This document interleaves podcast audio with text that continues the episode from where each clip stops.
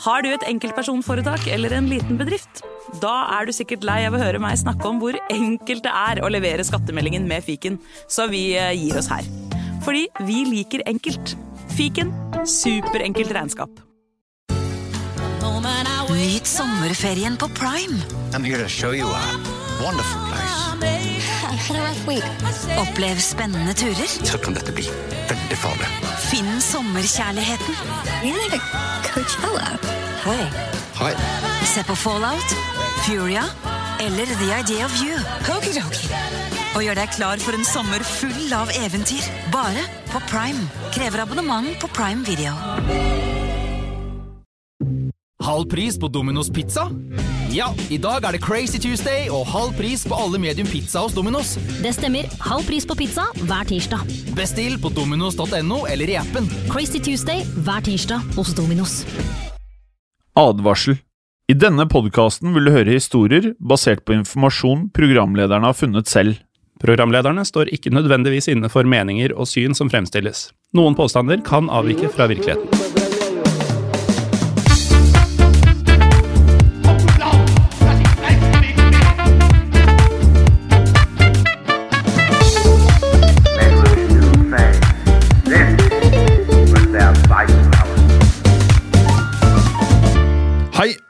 Velkommen til en splitter ny episode av Historie på den andre verdenskrig. Mitt navn er som alltid Jim Fosheim.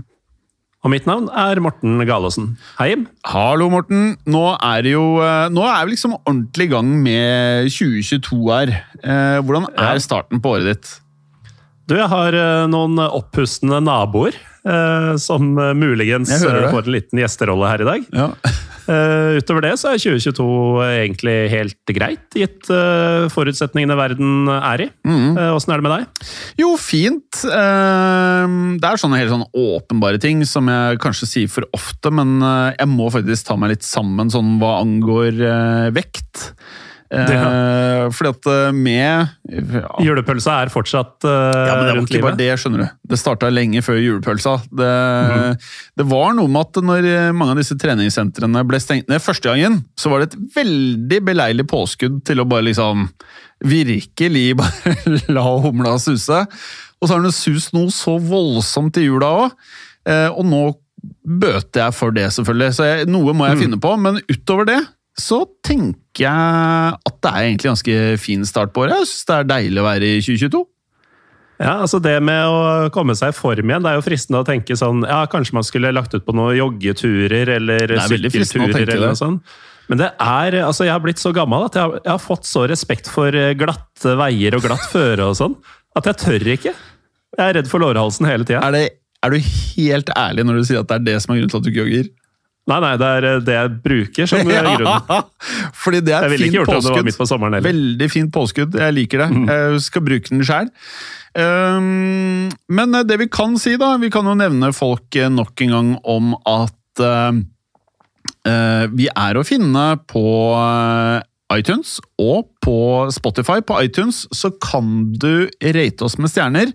Vi har liksom uh, kommet på rett under 500. Skulle gjerne sett at vi bikka 500 ratinger. Apropos, uh, rett før jul så oppdaterte telefonen min uh, Spotify-en min. Ja. Og nå går det an å gi stjerner der også. Hæ? Så hvis du som meg da skyr Apple-produkter Som som, ild eller pest, eller hva det skal være, så kan man fortsatt gi stjerner til historiepodden, både vanlig og andre verdenskrig. Wow! Det er jo ville nyheter, da. Ikke sant? Men uh, har du sjekka om man kan se hvor mange ratinger man har fått, eller bare ser man snitt i stjerner? Eh, nei, altså det, er, det var såpass nytt eh, da jeg la merke til det, at uh, da sto det sånn at du vil se snittet etter hvert. Ja. Men uh, de må få x antall eh, ratinger først da, for at det skal Ja, bli synlig. Det gir mening. Men eh, da er det jo det her er jo helt perfekt. Altså, Rate oss på iTunes, rate oss på Spotify! Juhu! Ja. Det er helt rått, da. Ikke sant? Det her liker vi. Det liker vi. Um, Det her er bra. Utover det så eh, kan vi bare nevne for sikkerhets skyld, hvis dere ikke allerede har fått med dere dette, og det er jo at eh, alt er live, er jo utsatt eh, med Historiepodden nok en gang. Ehm, og så har vi jo da en Instagram-konto som heter Historiepodden Norge. Vi har en Facebook-konto som heter Historiepodden Norge, og så har vi Facebook-gruppen vår som er Historie for alle. Som det virkelig er Altså, det er action der nå, altså. Ja, Facebook er på vei tilbake, føles det som. For nå Ja, i i det siste så har så, Ja, men også innboksen der har tatt helt av de Ja, siste ukene. Ja. Eh, Så det er veldig fint at lytterne mm, er interesserte og aktive. Og så må jeg ta meg litt i nakkeskinnet, fordi jeg må innrømme at det har vært en og annen sånn oppsamlingsrunde Ja. for å få svart på ting. Ja. Eh, det er vanskelig å, vanskelig å holde frekvensen deres, faktisk, og det er bare bra. altså. Ja, det er veldig Men, bra. eh, Litt kjedelig for dere å vente på svar kanskje innimellom. Fortsett å gi oss problemer, sier jeg bare. Ja. men eh, Men vi skal annen- snakke om problemer ja. i dag òg. Ja, jeg må bare ta en ting til, som er en gladnyhet. Uh, jeg har ikke sett tallene selv, men en kollega her nevnte at historiepodden andre verdenskrig har, hvis jeg har forstått det riktig, passert vanlig historiepodden før historiepodden eh, gikk bak betalingsmur. Det vil da si at historiepodden andre verdenskrig er nå større enn vanlig historiepodden. En vanlig historiepodden var eh, Ja, da den ja. også lå helt åpent. Helt Wow. riktig. Er ikke det litt sjukt? Det er jo ganske vilt, eh, faktisk. Ja, for dette her Eh, skulle jo bare være den kule podkasten fordi vi digger annen verdenskrig, som skulle liksom være i tillegg. Mhm. Men Ja, uh, kanskje, kanskje er sånn den oppfattes òg, da. At uh, dette er kult. eh, det er så jeg, jeg hører på og forteller det til eh, alle jeg kjenner. ja. Og derfor så var jeg så Sånn klin subliminal message. Ja, nettopp! Men jeg var så klin kokos i huet at jeg eh, med det, når jeg hørte om disse tallene, så la jeg ut en post på Historie for alle, hvor jeg skrev sånn Og det var egentlig det jeg gjorde sist uh, når vi vurderte en podkast til. Så skrev jeg sånn bare sånn Hvilken av disse temaene vil dere ha en ny podkast om? Uh, og så var det da uh, Jeg må egentlig legge den ut på nytt, for det kom så mye gode forslag mot slutten, og da hadde folk allerede vota. Eller den, er jo fortsatt live, da. Men uh, Mm. Da var det ting som jeg kanskje ikke hadde gjettet meg frem til, som eksempel en egen podkast bare om norsk historie. Og så var det romertiden, og så var det vel den som eh, enn så lenge leder, som er eh, Hva var det? Middelalderen? Middelalderen! Ah, ja. Den leder. Mm. Men det var noe jeg ikke hadde tenkt på engang, som var et forslag fra lytterne, at den ble lagt inn i den votingen. Eh, Tenk så mye grusomt vi kan finne fra middelalderen. da. ja, det, blir, ja, ja, det er helt grusomt. Men eh, her var en interessant greie, Morten, og det var eh, at eh, jeg la den også ut uten føringer på Instagrams historie. Altså på sånn story-variant. Ja, sånn spørsmål. Nettopp. Og da var svaret helt annerledes. Mhm. Da var det som vant uten tvil, var liksom sånne Det ble brukt forskjellige ord på det. Noen kalte det mysterier. Eh, andre kalte det okkult. Andre kalte det konspirasjoner. Eh, masse forskjellig terminologi. Eh, så, så det var litt sånn eh, forskjellige svar. Kanskje har det noe med brukerne, da, at det er forskjellige brukere på Insta og Face. Men ja. interessant var det. Mm. Lite sosiologisk eksperiment der, altså. Ja, på en måte. Men uansett, du nevnte at vi også har en uh, podkastepisode. En vanlig podkastepisode Ja. etter alt dette skravlet. Hvor vi gjerne forteller en historie. Nettopp. Ehm, sånn sett så er det jo fint at vi har litt tid i starten. Uh, nå har det vært litt mer informasjon i starten enn vanlig, men det skal ikke bli en vane. Men i dag så skal vi vende tilbake til noe som i hvert fall jeg digger, Morten. Og det er Mm. spionasje. Ja. Ja, det er så fett. Det er alltid gøy, det. Ja, det er alltid gøy, og så er det alltid litt sånn syke ting. Det er aldri normale ting som man tror det skal være. Eh, og nærmere bestemt, da, i i og med at det er annen verdenskrig vi prater om i denne podkasten her ofte, så er det jo da spionasje under annen verdenskrig.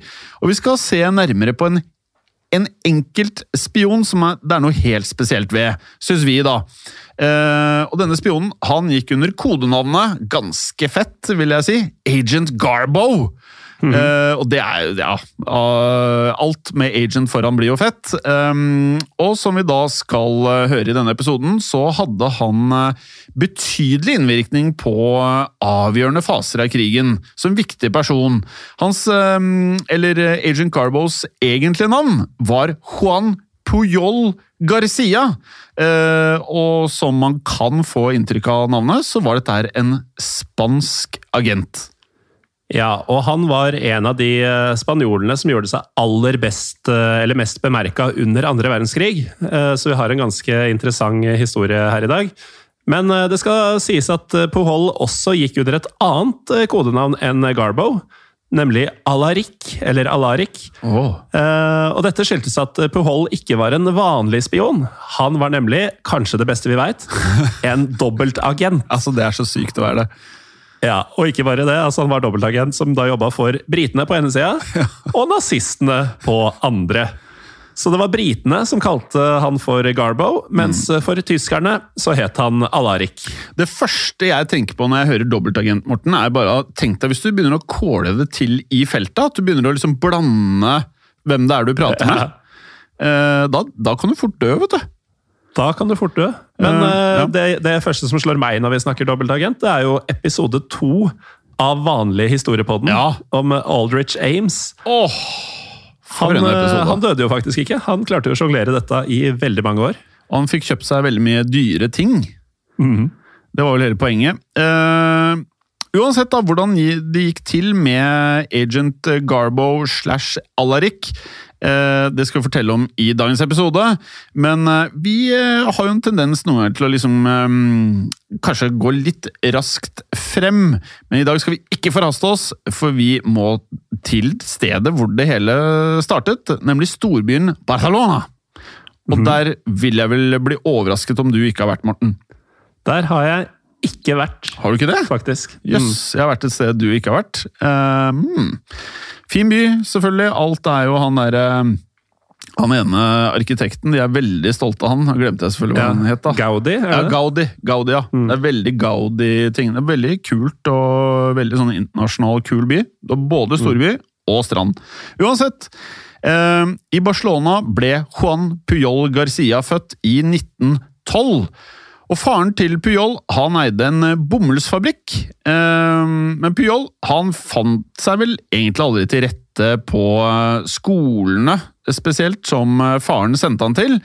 Så i stedet så bestemte Puyol seg for å bli ikke en del av bomullsfabrikken, men en hønsebonde. Han ble hønsebonde, i hvert fall for en stakket stund. For i 1931, eh, da han var blitt eh, 19 år, så ble Pujol eh, tvunget til å utføre sin obligatoriske militærtjeneste. Og det var ikke noe Puhol ønska i det hele tatt. Han hadde ikke lyst til å gå inn i militæret, for han hata ridning. Og han eh, mente at han mangla de Han mente selv altså at han mangla de essensielle egenskapene lojalitet, raushet og ære. Og det at den mangler raushet og ære, eller lojalitet spesielt kanskje, og ære, det er kanskje noe av forklaringa på hvorfor han skulle bli dobbeltagent for de to veldig forskjellige sidene seinere i krigen. Ja, altså, Når du i såpass ung alder merker at du ikke er en bra person Det må jo være ubehagelig. Ja, det skulle man jo tro. Men uh, selv om han ikke ville, så ble han med. da. Og etter å ha gjort sin militære plikt, så drev da Puhol en hønsefarm nord for eh, Barcelona. Men i 1936, da skulle tilværelsen hans endre seg drastisk. Ja, for eh, da brøt jo den spanske borgerkrigen ut. Den har vi pratet ganske lite om i eh, no, verken Vi har vel ikke vært innom noen av podkastene, eller? Tror faktisk aldri vi har nevnt den. Nei. Um, og denne konflikten den sto da mellom regjeringens eh, lojalistiske tropper og de opprørske nasjonalistene, ledet av Francisco Franco. Og Pujols svoger han ble arrestert han av lojalistiske styrker, og senere så ble søsteren og moren siktet for å være kontrarevolusjonære. En slektning av Pujol som var i en fagforening, klarte til slutt å redde dem fra dette fangenskapet. Men eh, Pujol selv ble også dratt inn i konflikten, fordi han motvillig ble innkalt til lojalistenes hær. Eh, naturlig nok så var ikke Pujol eh, særlig interessert i å kjempe for dem som hadde arrestert familien hans, så eh, han gjemte seg for å unngå denne innkallinga, altså det som ville bli kalt en draft i USA. Ehm, og da dette ikke lyktes, så deserterte han rett og slett til fiendene, altså nasjonalistene til Franco, i 1938. Ja. Men Pyol han eh, ble behandlet eh, like dårlig på den eh, nasjonalistiske siden, og han mislykte sterkt deres eh, fascistiske ideologi. Og han ble dessuten også kastet i fengsel av en oberst, etter å ha uttrykt støtte til monarkiet i Spania. Og dette var dråpen for eh, Puyol, og med det så forlot han nasjonalistene.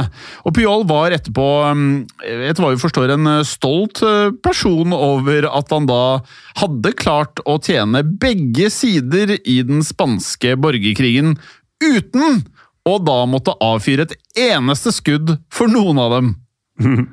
Ja, for Puhols erfaring med både kommunisme og fascisme i løpet av krigen ga ham en eh, dyp avsky for begge de politiske ideologiene. Og dette skulle jo bli avgjørende for hans uh, seinere karriere som spion under andre verdenskrig. For dette betydde jo at han verken sympatiserte med Nazi-Tyskland eller Sovjetunionen. Derimot så anså han uh, Storbritannia som en alliert. Han gjorde det, så da annen verdenskrig brøt ut eh, høsten 1939, så ble Puyol rett og slett overbevist om at han burde bidra til eh, det beste for menneskeheten, som han sa. Eh, Og han var fast bestemt på å slutte seg til den britiske krigsinnsatsen som da spion mot Tyskland. Men britiske offiserer de avviste Pyol, rett og slett fordi han eh, ikke hadde noen eh, forbindelser eller en korrekt legitimasjon. Men Pyol han ga ikke opp, han. Eh, Så i stedet så la han en liten plan for å fylle opp CV-en sin. Ja, Han bestemte seg for å ta saken i egne hender ved å bli rekruttert av tyskerne. Og han tilbød seg da å spionere for tyskerne i England. Den uh, tyske etterretninga i Madrid var da, i motsetning til den britiske, svært så villige til å ta Puhol om bord. Og Puhol han ga tyskerne en fortelling om at han var en spansk embetsmann med sterke nazistiske sympatier. Og han fortalte at han eh, ofte reiste til London i offisielt øyemed, og at han ønska å utføre uh, sin fascistiske plikt der. Ja, og dette var jo på daværende tidspunkt eh, ikke noe som han faktisk eh, mente. Det var rett og slett eh, ja, løgn. Ja. Men etter noe nøling så godtok tyskerne Pujols tilbud. Han fikk et lynkurs, det er vel fair å si, Morten. lynkurs ja, i spionasje. Mm. Også hemmelig kodeskriving. Vi har jo prata om det tidligere. Det, koder var veldig viktig for nazistene. Mm. Og han fikk også en uh, flaske med, og dette her er jo så nazistisk at uh, han fikk en flaske med usynlig blekk. Han fikk en kodebok og 600 pund til utgifter. Altså usynlig blekk. Altså, Ja, det, det er spionasje. det er spionasje. Uh, og de 600 pundene på det tidspunktet vi prater om nå, altså i, uh, i starten av krigen, det tilsvarer vel rundt omkring 400 000 kroner rett i underkant av dagens penger. Og det er ganske mye. Det er jo en del, det. Ja, da kan du holde gående en stund, og vel så det, vil jeg nesten tro. Eh, Oppdraget var at Puyol eh, skulle etablere seg eh, på britisk jord, selvfølgelig. Og instruksjonene var å bygge opp et nettverk av andre agenter, som da ville være i stand til å gi tyskerne etterretningen som de ønsket. Men Puhol Pujol han hadde jo sine egne hemmelige planer. Så han eh, reiste i stedet til Portugal, hvor han eh, innlosjerte seg på Hotell Palacio i Estoril. Og derfra satte han i gang en eh, formidabel dekkoperasjon for å lure tyskerne. Han eh, produserte en rekke etterretningsrapporter som virka troverdige. Og for å skape et inntrykk av at han var i England, så brukte Puhol informasjonen han fant, i en turistguide til Storbritannia. Får du litt sånn Frank Abagnale-vibb over den? Ja, det er veldig Det kommer veldig naturlig for han, virker det Ja, som. han, han er veldig sånn derre driftig, men driftig ikke på liksom å gjøre gode ting, eller som er bra for eh, verden, nødvendigvis, men god på liksom å være litt sånn sneaky. Eh, litt sneaky var han.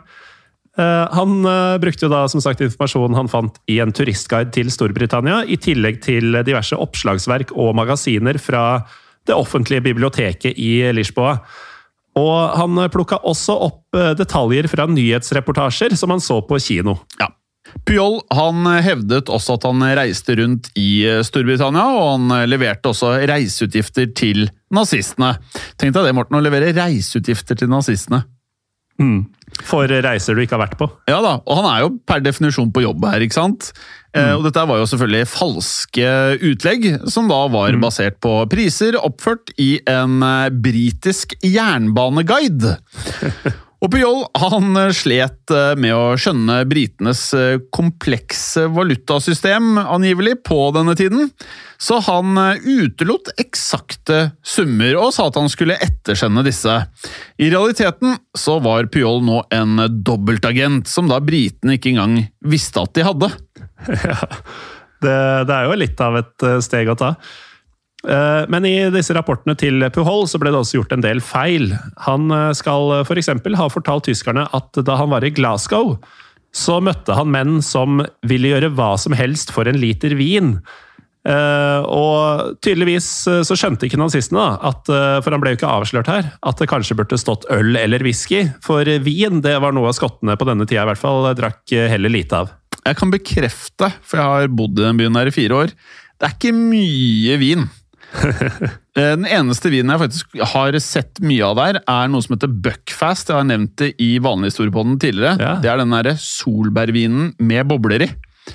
Høres ikke noe godt ut. Mm, det er ikke det verste jeg har smakt, det er heller ikke det beste jeg har smakt, men det er sykt billig, og du blir ganske pæra hvis du drikker det fort, ja. Eh, Men Pujol Morten, han lyktes likevel med planen sin, og han klarte å lure tyskerne i eh, flere måneder, før han da tok eh, kontakt med britene på nytt.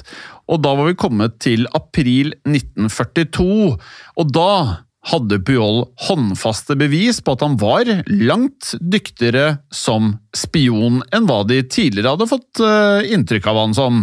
Og Puyol han fikk med det komme til London, der han ble tildelt en eh, etterretningsoffiser. Og dette var Thomas Tommy Harris, som ble valgt fordi han da kunne snakke spansk.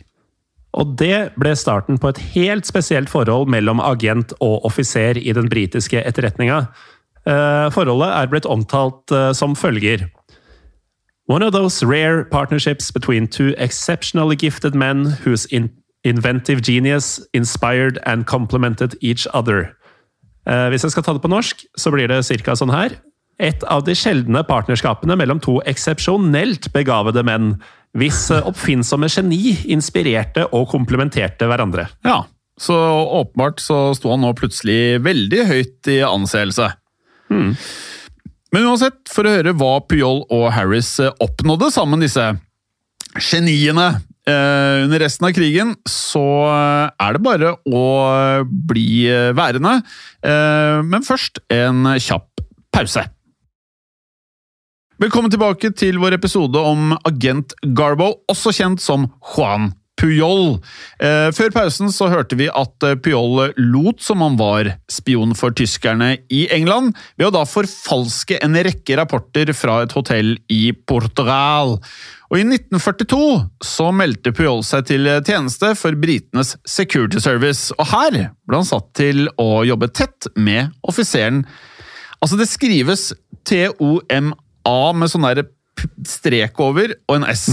Er ikke En det Thomas? aigu. Jo da. Ja, sånn. Eh, og han kunne jo spansk, så han var sikkert eh, delvis eh, spansk, og dermed het han Thomas og ikke Thames. Men kanskje jeg burde dra det helt ut, da? Thomas? Kanskje det er riktig? Thomas Ja, Harris? Det er bare TO, da, det er ikke TH. Ja. Thomas Harris. Ja. Eh, Tommy Harris, som han også ble Ja, kalt. ja Tommy. Uansett så var jo britene imponert over det Puhol hadde utretta i Portugal. eh, Spesielt måten han hadde skapt en relativt troverdig identitet og falske rapporter, som da tyskerne hadde kjøpt i den perioden han hadde holdt på. Eh, De ga han derfor kodenavnet Garbo, en referanse til den kjente skuespilleren Greta Garbo. De neste to årene så levde Puhol opp til navnet sitt, og sammen med Harris så fant han opp hele 27 underagenter, Alle med komplette livshistorier. Det høres litt gøy ut. Ja, det høres ut som et uh, artig arbeid. Ja, jeg sier ikke at vi hadde vært veldig gode på det, men det høres gøy ut i hvert fall. Eh, og De fiktive agentene var bl.a. en venezuelaner i Glasgow, en eh, liten diskré amerikansk sersjant og en walisisk nasjonalist som ledet en gruppe fascister kalt Brothers of the Aryan World Order. Jevnlig så sendte Pyol da brev til tyskerne med hemmelig skrift for å tilsynelatende gi dem i gåsetegn etterretning. Og Harris og Puhol de sendte 315 av disse brevene. Eh, Hvert av dem, eller Gjennomsnittlig så var hvert av dem på 2000 ord. Eh, Puhol han fremstilte seg som en fanatisk nazist som var klar til å risikere livet for førerens nye verdensorden. Og faktisk så skal mengden av falsk etterretning fra disse agentene, altså fra Harris og Puhol og dette universet de hadde skapt av fiktive agenter, det skal ha gitt eh, tyskerne så mye informasjon og dekode at de ikke gjorde noen andre vesentlige forsøk på å infiltrere britene. Nei, og Nazistene de fortsatte å anse Pujol som en veldig viktig spion, til tross for at mye av informasjonen var komplett feil. Så historikere tror at årsaken var eh, relativt enkel. Tyskerne trodde ikke at noen kunne klare å finne på så mye falsk informasjon. Og så mye ulike og unike karakterer. Så tyskerne de tenkte vel kanskje også at eh, hvis de kuttet ut Pujol, eller hvis de tvilte på ham, så kom de ikke til å bare miste en agent, de kom til mest sannsynlig å miste et helt nettverk. Og noen ganger måtte Puhol finne på grunner til at agentene hans hadde unnlatt å rapportere om det som var lett tilgjengelig informasjon. For eksempel så rapporterte Puhol om at hans fiktive Liverpool-agent var blitt syk like før en stor flåtetransport fra havna. Agenten fikk derfor ikke rapportert om hendelsen, hevdet Puhol. Og for å støtte opp denne historien, så sørga Puhol for at denne falske agenten til slutt døde. En nekrolog ble da plassert i lokalavisa som bevis for å overbevise tyskerne om at denne agenten faktisk hadde dødd. Som også da betalte pensjon, altså tyskerne, eh, betalte pensjon til agentens påståtte, men selvfølgelig oppdikta enke. ja. Eh, et annet genialt grep som Puyol og britene gjorde, var å gi tyskerne korrekt etterretning om virkelige militæroperasjoner, men Rapportene ble sendt med en forsinkelse, slik at tyskerne ikke rakk å bruke infoen til noe spesielt nyttig. Ved ett slikt tilfelle så skal tyskerne ha svart følgende Vi beklager at de kom for sent, men de siste rapportene dine var fantastiske. Så det er faktisk utrolig at de gikk på mye av dette her, da, eller? Ja, det er jo ganske utrolig, og det var jo også svært krevende, tross alt, å holde dette gigantiske, fullstendig fiktive spionnettverket gående. Men gevinsten var jo enorm. Ja. I 1944 så hadde sikkerhetstjenesten da en gruppe på 27 falske agenter som tyskerne stolte blindt på. Eh, og dette viste seg å være en verdifull ressurs, og den ble utnytta i en meget smart eh, manøver i forkant av eh, noe som kalles Operation Neptune. Operation Neptune er også kjent som D-dagen, altså dagen mm. da de allierte styrkene gikk i land i Normandie. Og dette var da 6. juni 1944. Og den første dagen av Operation Overlord, altså de alliertes planlagte invasjon av Frankrike. For et navn! Um, mm. Og dette skulle bli det allierte nådestøtet selvfølgelig da mot Nazi-Tyskland i den senere fasen av annen verdenskrig. Og en viktig forutsetning for at Operation Overlord skulle lykkes, det var jo at tyskerne ikke fikk vite hvor og når de allierte skulle gjøre landgangen. I januar 1944 så skrev tyskerne til Puhol at de mistenkte at en eh, slik invasjon var nært forestående, og de ba da Puhol om å holde øyne og ører og alle agenter eh, våkne og åpne. Eh, Puhol ble da innvia i de alliertes plan for å overliste tyskerne, eh, og den ble kalt Operation Fortitude. Ja, Det er mye operations akkurat nå, men jeg tror alle klarer å holde um, orden på det. Planen var selvfølgelig å lure tyske militærledere til å tro at de allierte ville gå i land et annet sted enn Normandie. Så de allierte de eh, satt derfor i gang en misledende aktivitet eh, andre steder. Det har vi pratet om i tidligere episoder, Morten. Morten. Og det ble faktisk opprettet eh, falske marinebaser, som da truet eh, norskekysten og kystbyen Calais, samt at de sendte ut skip og også fly for å dra oppmerksomheten vekk fra nettopp Normandie.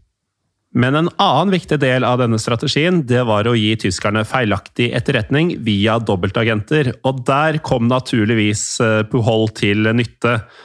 Mellom januar 1944 og D-dagen i juni samme år så sendte Puhol over 500 radiomeldinger til Berlin. Det er brukbart. Det er jo en viss mengde. Og rapportene, som da tilsynelatende kom fra alle deler av dette spionnettverket, det forvirra tyskerne på flere måter. Og Puhols rapporter bidro til å lede tyskernes oppmerksomhet vekk fra Normandie, takket være falsk etterretning i mange mindre fragmenter, som tyskerne da pusla sammen. Ja. Eh, men eh, vi må kanskje si litt om det som er føles i hvert fall å være aller viktigst. Og det var at eh, Pujol han sendte flere dristige radiomeldinger til nazistene. For her så rapporterte da Puyol med stor autoritet og også overbevisning om at landingene i Normandie kun var en avledningsmanøver, og at hovedangrepet fortsatt skulle komme ved Calais. Så den tyske øverstkommanderende, altså feltmarskalk Gerd von Rundstedt, eh, han var da en av de som han slukte dette rått, vet du, Morten. Og han overstyrte faktisk et eh, forslag fra selveste Ervin Rommel, altså denne som mange anser for å ha vært blant de mest kompetente i eh, hele annen verdenskrig, um, om at divisjonen skulle flyttes fra Calais for å da bistå forsvaret i Normandie. Altså, eh, general Ervin Rommel han ville da det motsatte av det vår mann, eh, agent eh, Garbo, foreslo. Ja, og Garbo foreslo da det med såpass autoritet som du sier, at eh, Gert von Rundstedt gikk imot Rommels eh, idé. Eh, Og dette kan jo ha vippa kampene i Normandie i de alliertes eh, favør. Men eh, ironisk nok så ble Puhols troverdighet hos tyskerne forsterka av D-dagen. Den eh, 29. juli, så ble faktisk, eh, altså fortsatt i 1944, så ble faktisk Puhol tildelt Jernkorset av Der Führer, altså Adolf Hitler. Og han ble hedret for sin ekstraordinære tjeneste for Tyskland. Eh, Puhol han svarte med å takke ydmykt, og skrev at eh, han var uverdig for en slik ære. Og på sett og vis er jo det sant. Ja, det er veldig Det kunne ikke vært mer sant, faktisk. eh, nå, hvis vi spoler frem til november eh, 1944 også, så ble Pujol også hedret av britene. Da han ble innlemmet i MBE. Som da er følgende The Most Excellent Order of the British Empire. Det høres jo helt vanvittig flott ut, da. Ja, Det er ikke noe småtteri, det. Og nazistene innså aldri at eh, de var blitt kraftig lurt av eh, Agent Garbo, som da også beholdt jernkorset helt til krigens slutt. Ja, og etter krigen så frykta Puhol represalier fra de nazistene som hadde overlevd.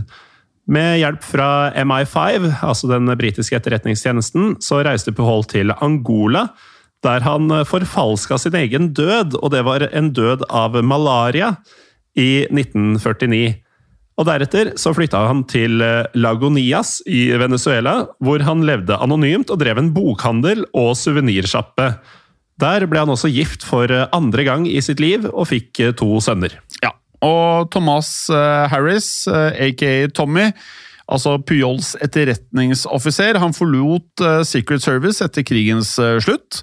Han tilbrakte, eh, så vidt vi kan forstå, mesteparten av tiden sin i Spania, og døde dessverre i en bilulykke på Mallorca 1964.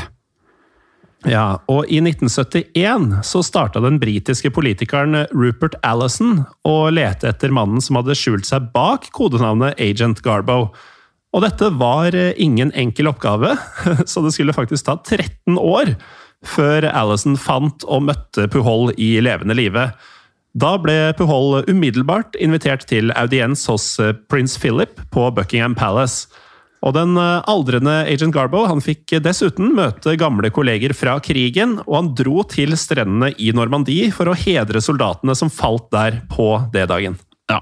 Agent Garbo, altså Juan Puyol Garcia, han eh, døde i eh, Caracas i Venezuela i 1988, i en alder av 76 år. Og ifølge mange historikere så kan han med rette kalles eh, mm, muligens da den viktigste dobbeltagenten under annen verdenskrig. Så her er det flere som hevder at eh, vi i dag har blitt eh, introdusert til en av de aller, aller, aller viktigste personene under annen verdenskrig også, ikke bare dobbeltagenter eller agenter. Ikke sant? Og når du omtales som den muligens eh, viktigste av alle dobbeltagentene under andre verdenskrig, da har du virkelig fortjent en plass i historiepodden eh, andre verdenskrig også. Ja, og så er det viktig da å nevne, selv om denne episoden er omtrent like lang som en vanlig episode, så går den inn under kuriositet i det at det er ikke uendelig med informasjon om Agent Garbo, som man sikkert forstår, altså en eh, agent under annen verdenskrig. Så mm. vi har i hvert fall tatt det vi har funnet. Og med det, Morten, så har vi pratet om eh, da en eh, meget fascinerende type, og jeg hang meg jo litt fast i at han all allerede som relativt ung visste at han hadde lav moral. Ja. Han var æreløs, og han hadde ikke lojalitet. Og det at han omtalte seg som uverdig da han mottok jernkorset fra Hitler, også var veldig morsomt, siden han Altså, alt han gjorde, uh, betydde at han absolutt ikke skulle hedres uh, av, uh, av noen tyskere. Men allikevel så ser vi at eh, selv om man da måtte mene at man har lite ære og det ene og andre og eh, Jeg vet ikke om han led av dårlig selvbilde, men han var jo eh, utrolig viktig. Viktig var han, men ikke på den måten tyskerne trodde. Nei. Men med det, Morten, så har vi da prata om nok en vel... Altså, er det lov å kalle han helt? Ja, det må være lov. Ja. En, eh, en helt uten ære, moral, lojalitet osv.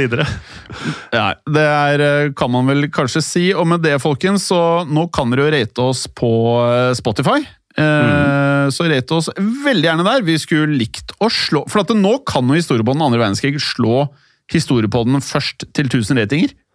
Ja, men eh, hvis du eh, vil utligne det, så fins jo Historiepodden også på Spotify og iTunes. Eh, Så når du først er inne og rater én, kanskje rate den andre også. Veldig bra sagt. Eller veldig god Segway, er det ikke det man kaller det? Ja, mulig det. Ja.